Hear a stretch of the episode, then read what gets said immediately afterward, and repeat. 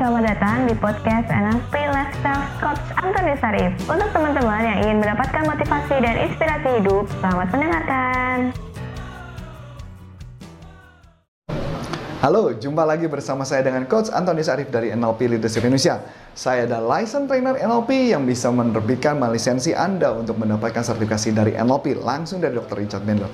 Nah, topik kali ini kita akan membahas mengenai apa? Kita akan membahas bagaimana caranya menjadi leader yang baik.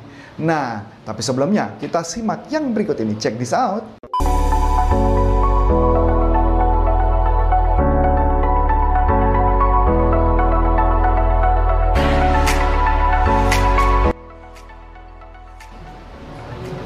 Halo, yo, ketemu lagi, baik lagi. Nah, kita akan membahas mengenai bagaimana caranya menjadi seorang pemimpin atau seorang uh, leader yang baik. Nah, leader yang baik kadang-kadang yang namanya kerja di perusahaan, banyak orang yang tidak benar-benar menjadi pemimpin yang bagus. Banyak orang menyangka seorang pemimpin itu adalah dilahirkan. Bahkan kayaknya pemimpin itu sudah kromosomnya, sudah DNA-nya bakal jadi pemimpin. Belum tentu, semua bisa di-develop. Ya, tinggal bagaimana kita cara mendevelopnya. Nah, memang ini yang menarik bagaimana cara developnya. Nah, ada saya akan bagikan kepada Anda ada 5 tips bagaimana caranya menjadi seorang pemimpin atau leader yang baik. Yang pertama adalah tentukan dulu outcome atau tujuan Anda mau apa. Jika Anda menjadi seorang pemimpin, mau mengembangkan anak buah, Anda tentukan dulu outcome-nya Anda kepada anak itu apa, kepada staff itu apa. Ketika Anda punya tujuan, maka otomatis Anda bisa lebih mudah mengembangkan. Kebanyakan seorang pemimpin cuma membiarkan anaknya berjalan begitu saja atau timnya berjalan begitu saja, tidak memberikan tujuan, maka otomatis hasilnya tidak akan bagus. Itu yang pertama.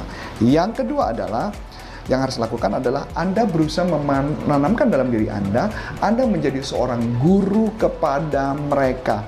Karena seorang guru yang bagusnya idealnya adalah guru itu adalah mengembangkan mereka, membuat mereka jadi bertumbuh. Ya, jadi kalau pemikirannya adalah sebagai atasan, maka otomatis Anda tidak menemukan dia. Tapi kalau sebagai seorang guru adalah bagaimana caranya supaya kehidupan mereka lebih baik. Itu yang kedua. Yang ketiga adalah jalin hubungan. Jalin hubungan artinya Anda bagaimana caranya menjalin hubungan yang baik pada mereka, akrab, dan sebagainya.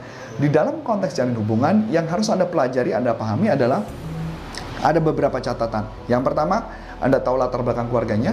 Yang kedua, apa impian mereka.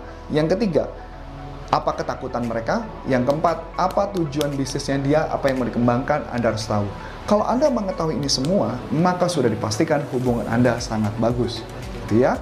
Nah, jadi otomatis mereka pun bisa curhat pada Anda dan sebagainya. Itu yang ketiga. Yang keempat adalah, nah ini yang paling menarik. Se ketika Anda harus melakukan coaching secara rutin. Coaching artinya mengembangkan mereka untuk mencapai tujuan. Nah, baik lagi. Ketika Anda sudah punya outcome apa yang mereka mau capai, kita membimbing mereka, mengcoaching mereka dengan teknik-teknik tertentu, dengan teknik pertanyaan dan di dalam NLP itu ada membahas khusus. Kita membahas nanti akan saya buat video secara terpisah. Kita membahas bagaimana caranya melakukan coaching tentunya.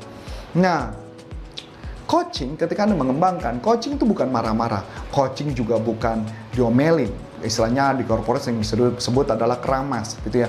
Ini bukan. Anda harus benar-benar membimbing mereka untuk membuat mereka menjadi bagus. Nah, ketika melakukan coaching, saya akan bagikan tips yang sederhana dulu ketika Anda mau menjadi lebih bagus. Gimana cara tipsnya?